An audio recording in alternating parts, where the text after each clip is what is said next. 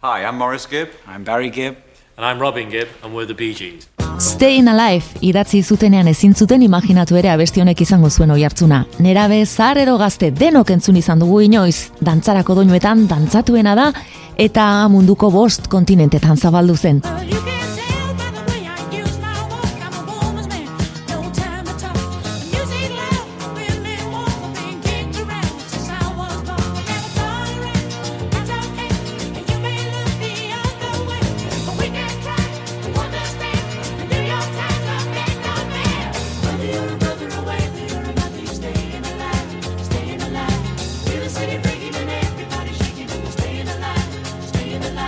Debbie G zena iruan haien historia da. Barry Morris eta Robin Gibb.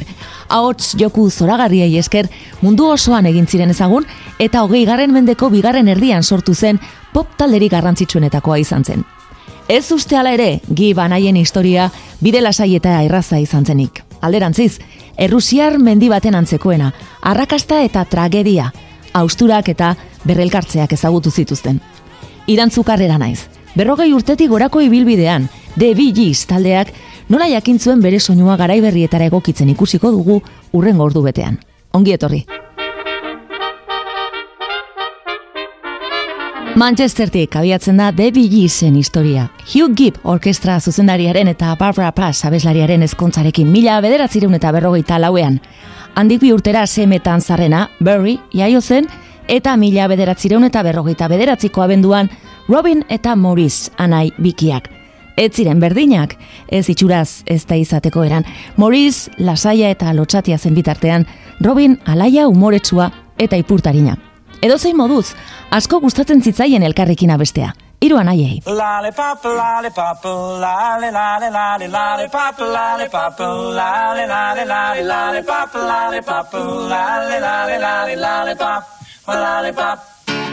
Mila bederatzireun da berrogeita mazazpian lehen aldiz Beverly Brothersen Wake Up Little Susie entzun zutenean harrapatu egin zituen onbait. Buklean entzun zuten behin da berriz, eta hiru abotsetan abesteko moldatu zuten, horrela egingo zuten, handik aurrera gustuko abestiekin. Anaien artean bestalde tirabiran aritzen ziren nahiko biurri eta salseroak ziren. Eta Robineri suarekin jolastea gustatzen zitzaion. Behin, suhiltzaileak deitu behar izan zituzten, etxe ondoan piztutako sute bat itzaltzera.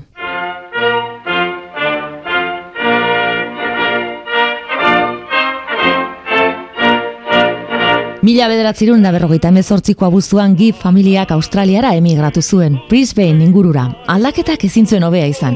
Manchester bezalako hiri gris eta triste bat atzean utzita, Brisbaneen paradisuaren antzeko zerbait aurkitu zuten. Zeru eta itsaso urdinak, ondartza zoragarriak eta neguan temperatura hogei gradutik jaisten ez den leku aparta. Aita argazkilari moduan hasi zen lanean eta anaiak bien bitartean jendaurrean abesten igandetan kotxe karreretako zirkuito batean lehenbizi. Lasterketa eta lasterketa artean abesten zuten jendeak emandako txamponen truke. Zirkuituko nagusia Bill Good zen. Bill Gates izena zuen berriz, DJ lanetan aritzen zen eta giban haien lehen manaierra izango zenak.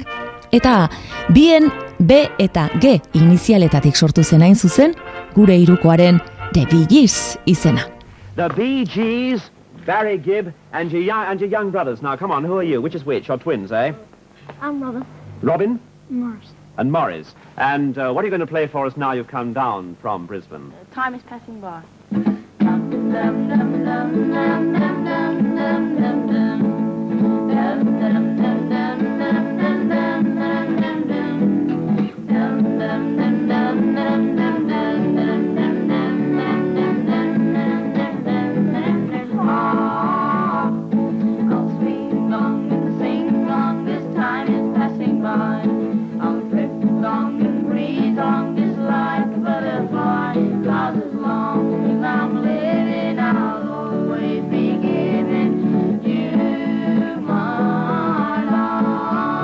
Mila bederatzireun eta irurogeiko udan Bee Geesek telebistan abestu zuten lehendabiziko aldiz. Moda-modako folk utxuko kanta horrekin estrenatu ziren, Time is Passing By. Halako arrakasta izan zuten, aitak hartu zuela manaiararen tokia. Musikaria izan da mundu hori oso ondo ezagutzen baitzuen. Jarrera irribarretsua dantza pauso batzuk sartzea, janzkeraren garrantzia eta hori guztia aitaren gandik ikasi zuten.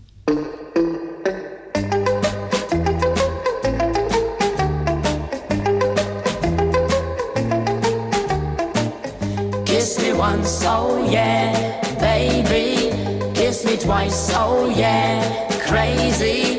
Kiss me three times, the three kisses of love, oh yeah. Mila bederatzirun eta iruro geita iruan kontratua sinatu zuten Australiako diskoetxe txiki batekin, Lydon Recordsekin. Three Kisses of Love izan zen grabatu zuten lehenengo kanta, Barry Gibbek idatzia.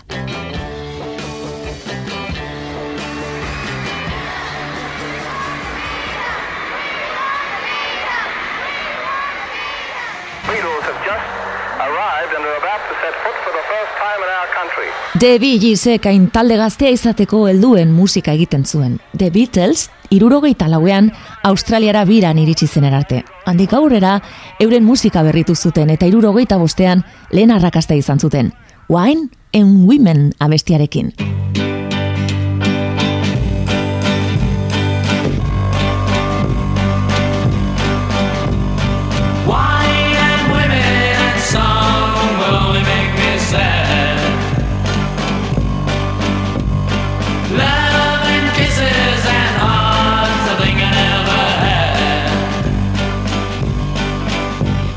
Should end, I don't mind. If should end, I will find. What shall I do? What shall I do? What shall I do? What shall I do? Cars and buses and trams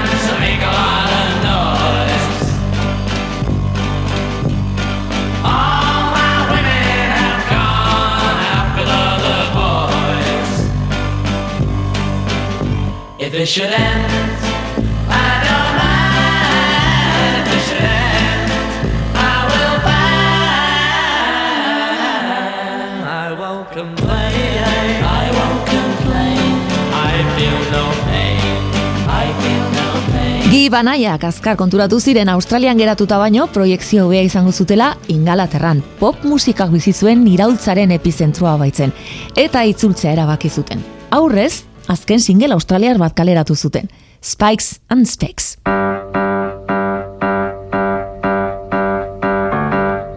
Where is the sun that shone on my head?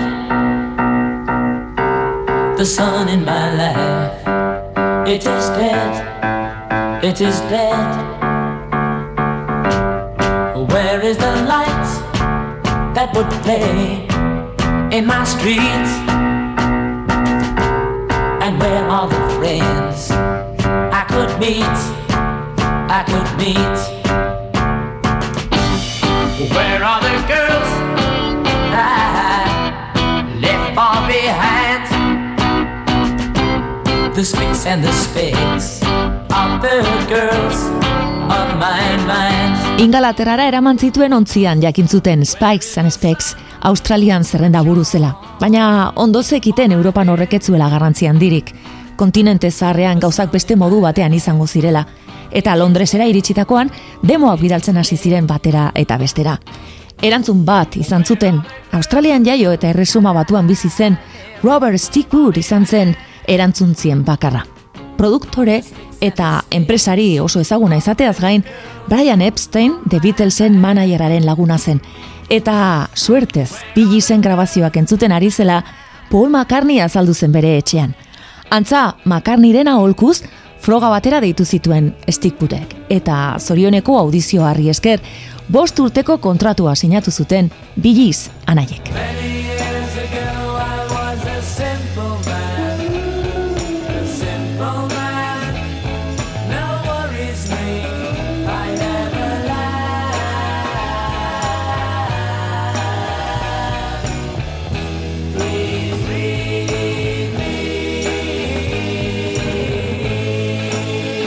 Handik aurrera rock izarren bizitza egin zuten Londresko klub sonatuenetan.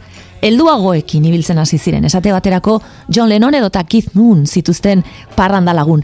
Maurice eta Robin Biskiek amasei urte besterik ez zituzten, eta Lennonek aldiz hogeita bost.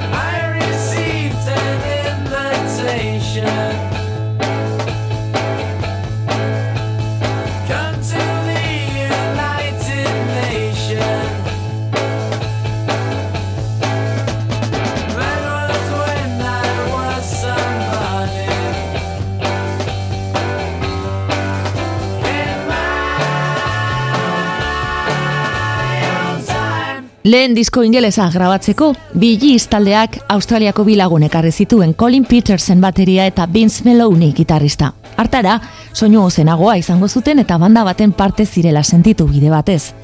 Mila bederatziron eta irurogeita zazpiko martxoan, lendabiziko diskoa grabatzen ari zirela, argindarra joan egintzen alako batean. Eta hiru anaiak estudio kanpoaldeko eskaileratan kantatzen hasi ziren.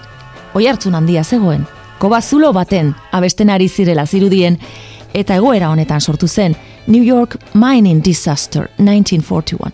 The Geesen lehen nazioarteko hit ospetsua. Aurreko urtean, Galesko Aberfen herriko meategian gertatu zen tragediaren oroimenez. In the event of something happening to me, there is something I would like you all to see. It's just a photograph of someone that I knew. Have you seen my wife, Mr. Jones? Do you know what it's like on the outside?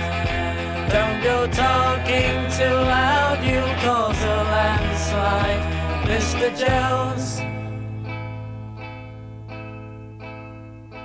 I keep straining my ears to hear a sound.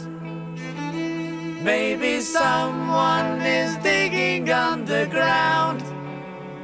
Or have they given up and all gone home to bed?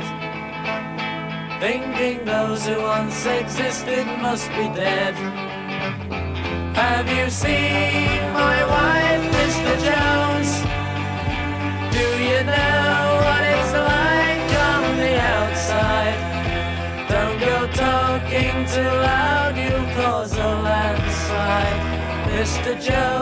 Sei hilabetean ez ezagun izatetik, Atlantikoko bialdetan sonatu izatera iritsi ziren. Hitak zituzten handa hemen, eta arrakastaren arrazoietako bat, kanta oso zuzenak zituztela, oso emozionalak ziren. Bistakoa zenez soul musika oso gustuko zutela. Stig Woodek izaran dien aurkeztu zien. Otis Redding. Lehen itzordu hartan adostu zuten barri kanta bat idatziko zuela Otisentzat, eta gau horretan bertan sortu zen guztiok ezagutzen dugun kanta eder honen ideia. To love somebody. There's a light, a certain kind of light that never shone on me. I want my life to be live with you, live with you. There's a way. Everybody said to do each and every little thing. But what does it bring if I ain't got you? Ain't got, baby, you don't know what it's like.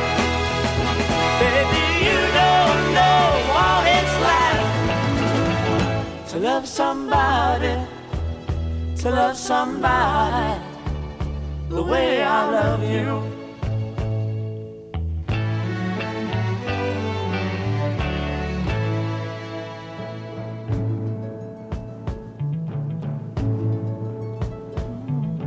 In my parade, I see your face again. I know my friend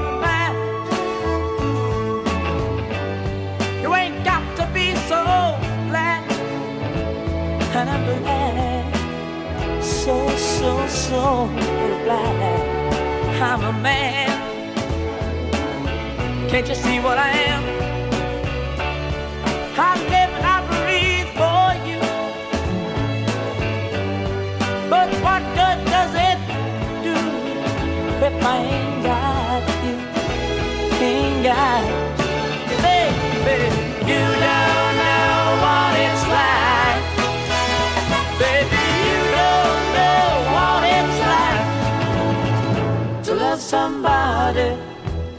to love somebody the way I love you. You don't know what it's like.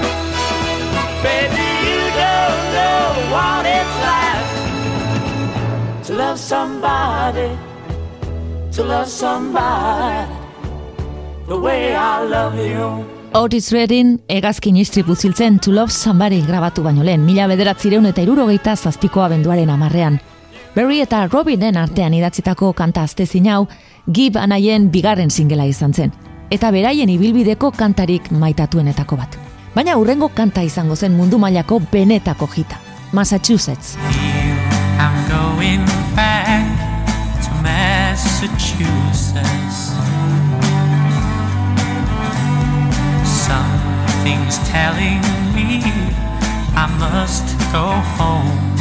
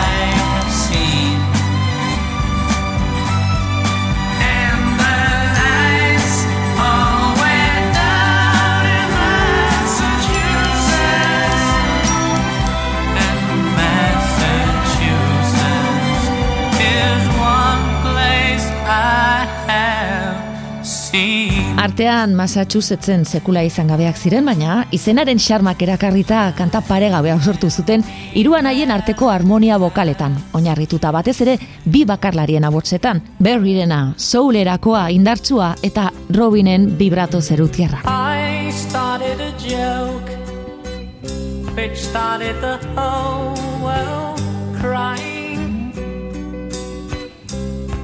But I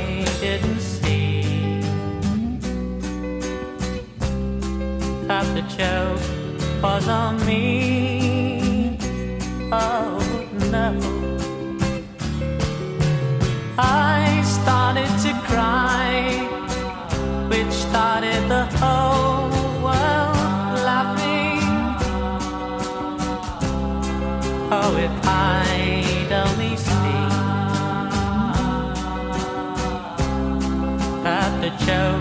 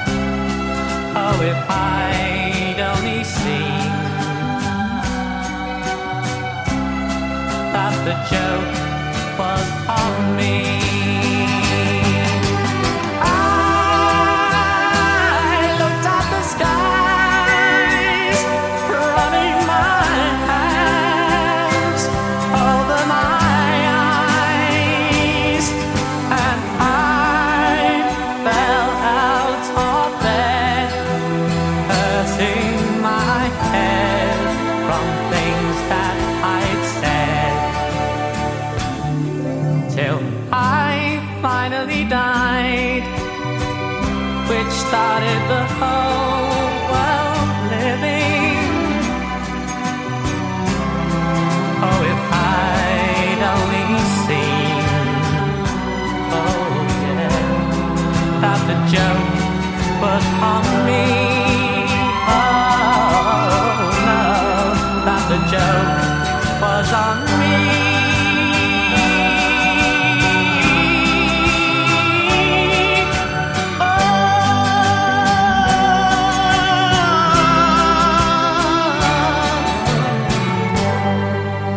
Bee Geesen abantaila handietako bat, Lennon McCartneyren antzera kantak eurek idatzitakoak zirela. Jakina kanta oso onak ziren asteko, estribiloak oso itxaskorrak, burutik entzea, kosta egiten den horietakoak. Smile, an everlasting smile. Her smile can bring you near to me. Don't ever let me find you gone, cause that would bring a tear to me. This world has lost its glory. Let's start a brand new story now, my love. Right now, there'll be no other time, and I can show you how, my love. Talk in everlasting words and dedicate them all to me. And I will give you all my life. I'm here if you should call to me. You think that I don't even mean a single word I say.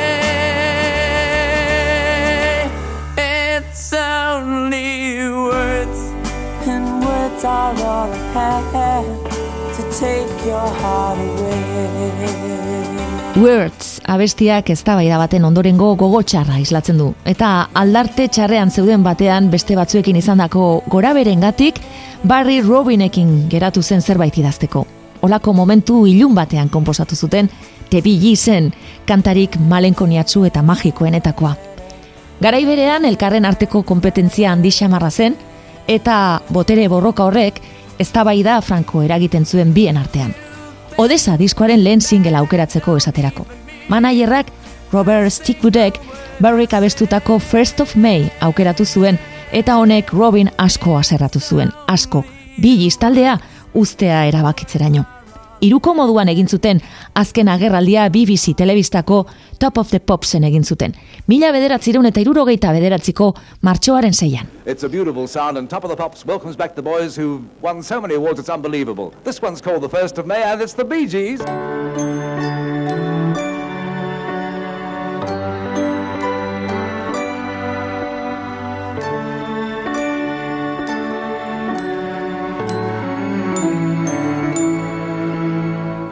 When I was small and Christmas trees were tall,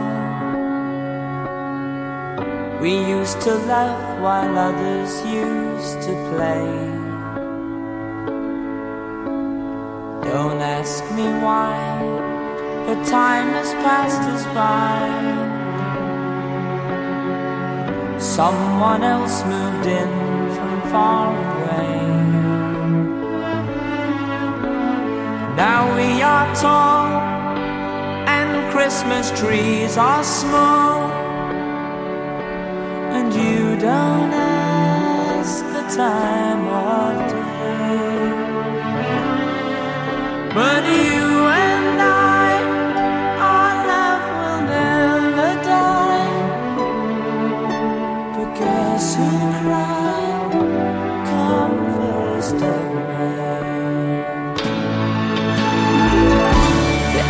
tree that grew for you and me.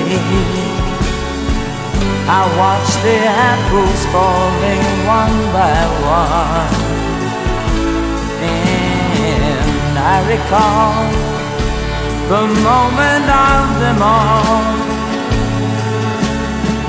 The day I kissed your cheek and you were gone. Now we are tall and Christmas trees are small, and you don't ask the time of day. But you and I, our love will never die. But guess who cried?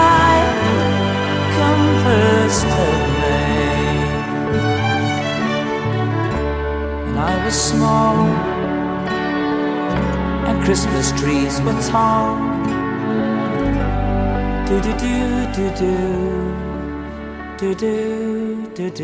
Baino bakarka ez ziren inor eta euren indarra irukoa izatean zegoela ikusi zutenez, amasei hilabete ondoren bakeak egin zituzten. Sortu zuten lehenengo kantak banaketa hitz egiten du. Berriro elkartzeaz, maitasuna galdu eta berriz aurkitzeaz. Hitzbitan beraien historia. How can you mend a broken heart? Izeneko abestiarekin ordurarteko arrakastarik handiena lortu zuten. Baita Ameriketan ere. I can think of younger days when living for my life was everything a man could want to do. I could never see tomorrow, I was never told about the sorrows.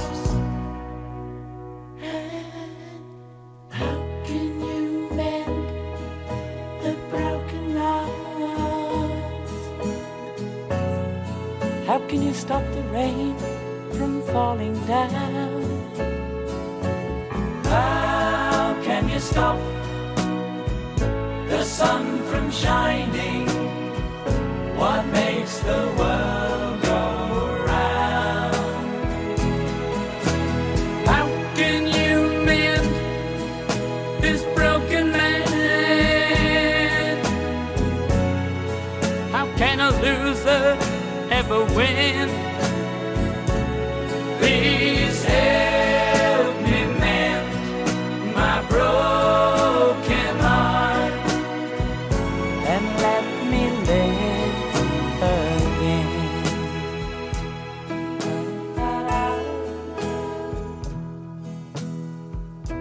Can still feel the breeze that rustles through the trees and misty memories of days gone by. We could never see tomorrow. No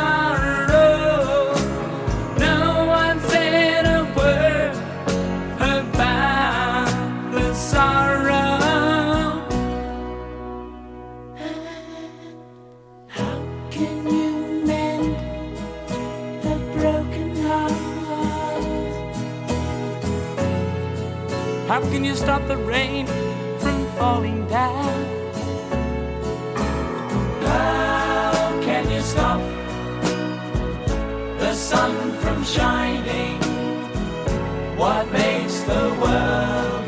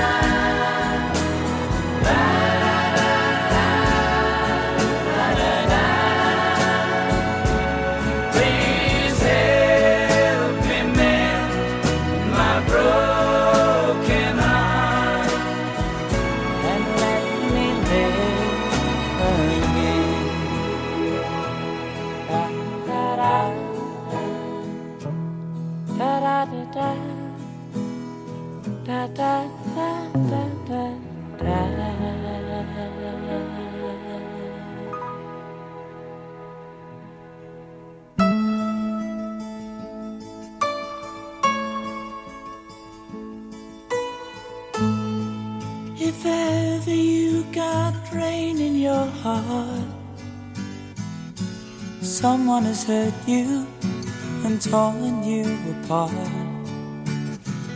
Am I unwise to open up your eyes to love me and let it be like they said it would be?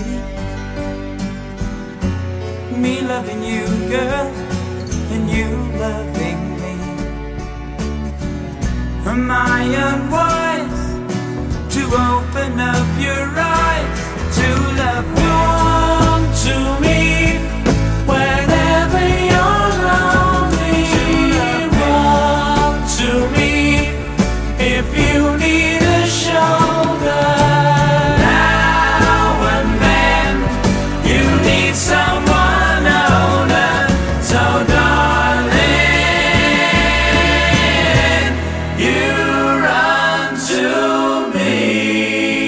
Berriro biltzean lau top 20 lortu zituzen estatu batuetan Run to Me lauetan azkena. Handik aurrera bi zen beherakada hasi zen, irurogeita amarreko amarkada ziren pop musikak sekulako aldaketa eman zuen eta era honetako melodikoak baztertu egin baitziren. Grabatua zuten disko bat atzera bota zieten osorik, Stigwooden iritzi zezbaitzuen maila ematen. Belarriak ireki jendeak zer entzuten duen jakiteko, ohartarazi zien.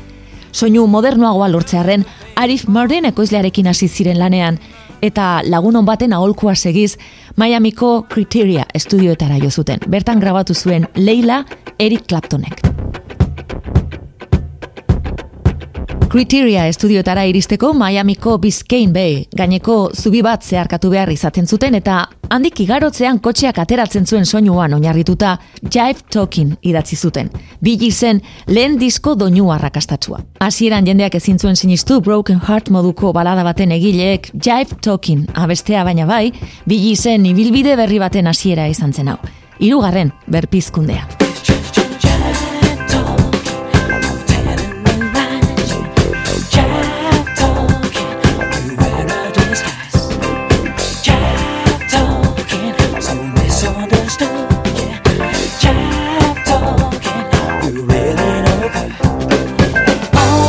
time.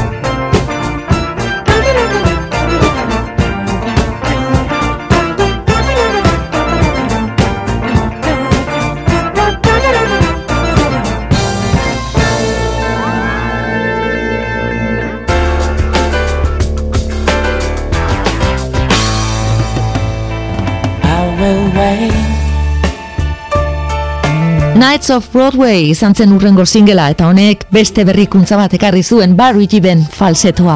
Grabazio estudioan askotan improvisatzen hasten ziren eta Barry falseto bitxi honekin jolasten hasi zen. Gero, The Bee taldearen marka izango zena eta handik aurrerako kanta guztietan entzungo zena.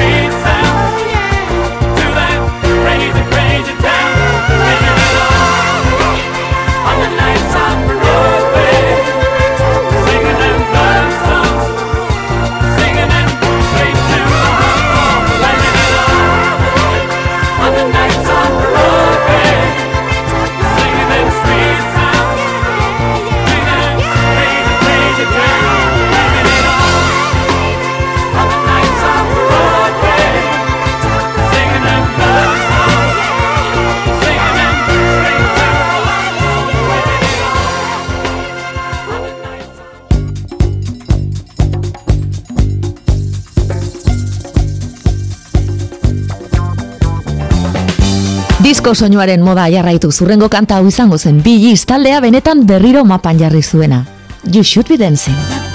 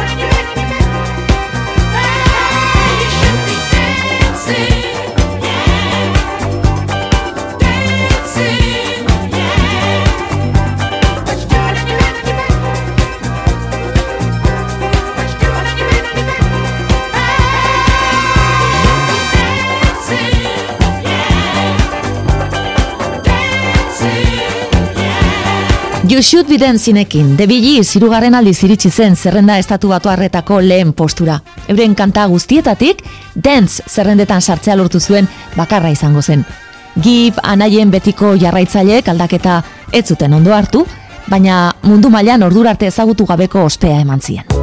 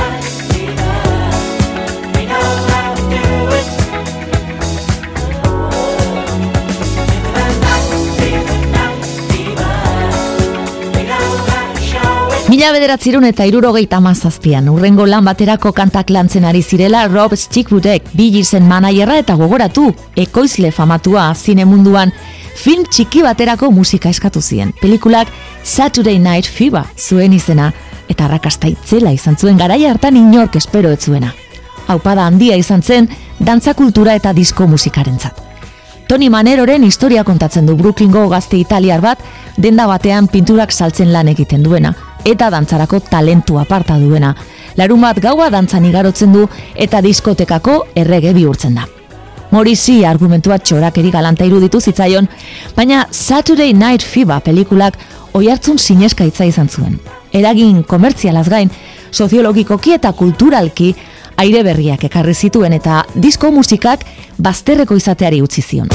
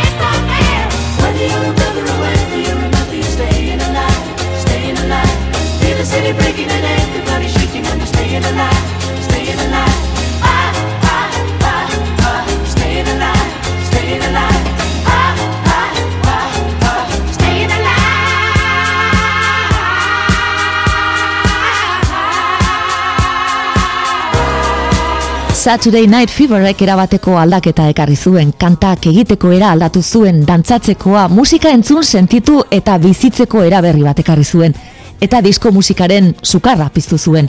The Bee Gees entzat euren karreraren gailurra izan zen. Night Fever, Staying Alive, zein How Deep Is Your Love, Billboardeko lehenengo postura iritsi ziren, eta soinu bandak berrogei milioi ale baino gehiago saldu zituen. Eunda hogei aste irauntzuen zerrenda estatu batuarrean, irurogeita emezortziko urtarriletik, mila bederatzirun da laurogeiko martxor arte.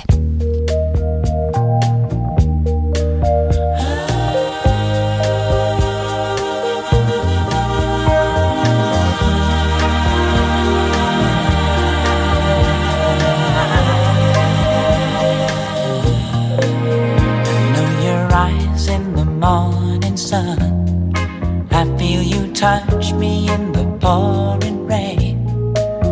And the moment that you wander far from me, I wanna feel you in my arms again. And you come to me on a summer breeze, keep me warm in your love. Then you softly leave, and it's me you need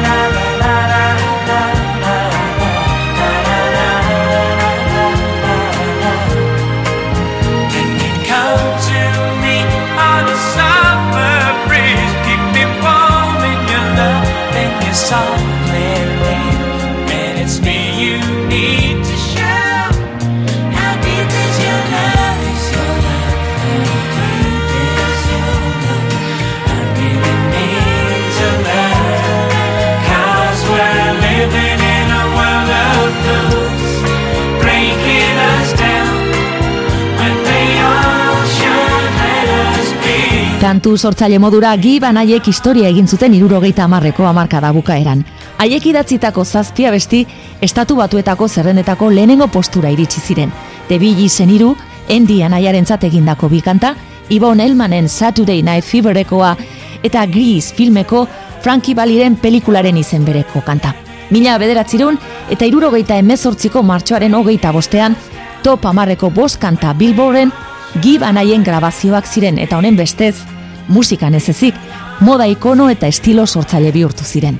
Urrengo diskorako presio inoiz baino handiagoa zuten jarraitzaile industria zein kritikaren aldetik, baina ala eta guztiz ere Spirits Having Flown diskoa Bee Geesen ibilbideko arrakastatsuena izan zen. Eta entzungo duguna bestia berriz, diskoa aurreratu zuen lehen singela Too Much Heaven, idatzi zuten kantarik onena da egileentzat, baita publikoarentzat ere. Entzun dezagun.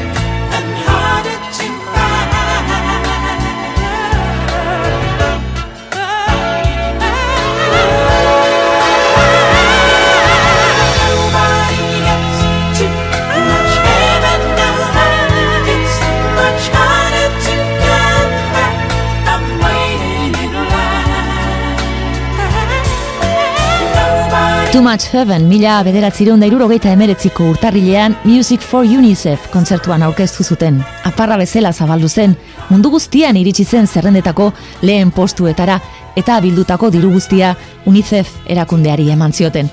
Eta esanguratsua da Too Much Heaven idatzi zuten egun berean beste bi kanta arrakastatxu konposatu zituztela Andy Gibb anaiarentzat Shadow Dancing ospetsua eta Spirits Having Flown diskoko beste hit bat, Tragedy izenekoa. Honek erakusten du kantak sortzeko zuten ezoiko talentua.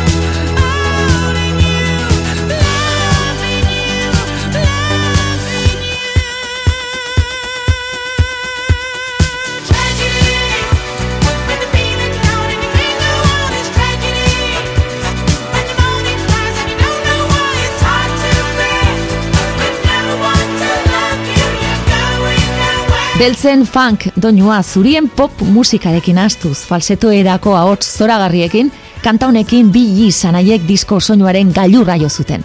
Tragedy du izena eta biozkada badirudi, ze handik aurrera bi taldea ondoa jotzen hasi zen. Hamarkada bukaerarekin batera diskomania amaierara iritsi zen baita ere eta honela agortu zen bi izanaien garaia ere. Sei hilabetean sei bider errezkan zerrenda buru izan ondoren, bapatean publikoa aspertu egintzen eta bilizen gainbera hasi zen. Estatu batuetako hainbat irratietan, bizkarra eman zieten programazio bereziak sortzen zituzten, bilizen musikagabeko asteburuak iragarriz.